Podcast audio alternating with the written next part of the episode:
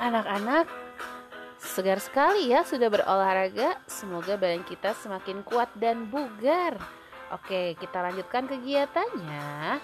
Nah, anak-anak, sekarang siapkan buku latihan bacanya karena kalian akan latihan membaca bersama dengan guru kelas masing-masing sesuai dengan kelompoknya.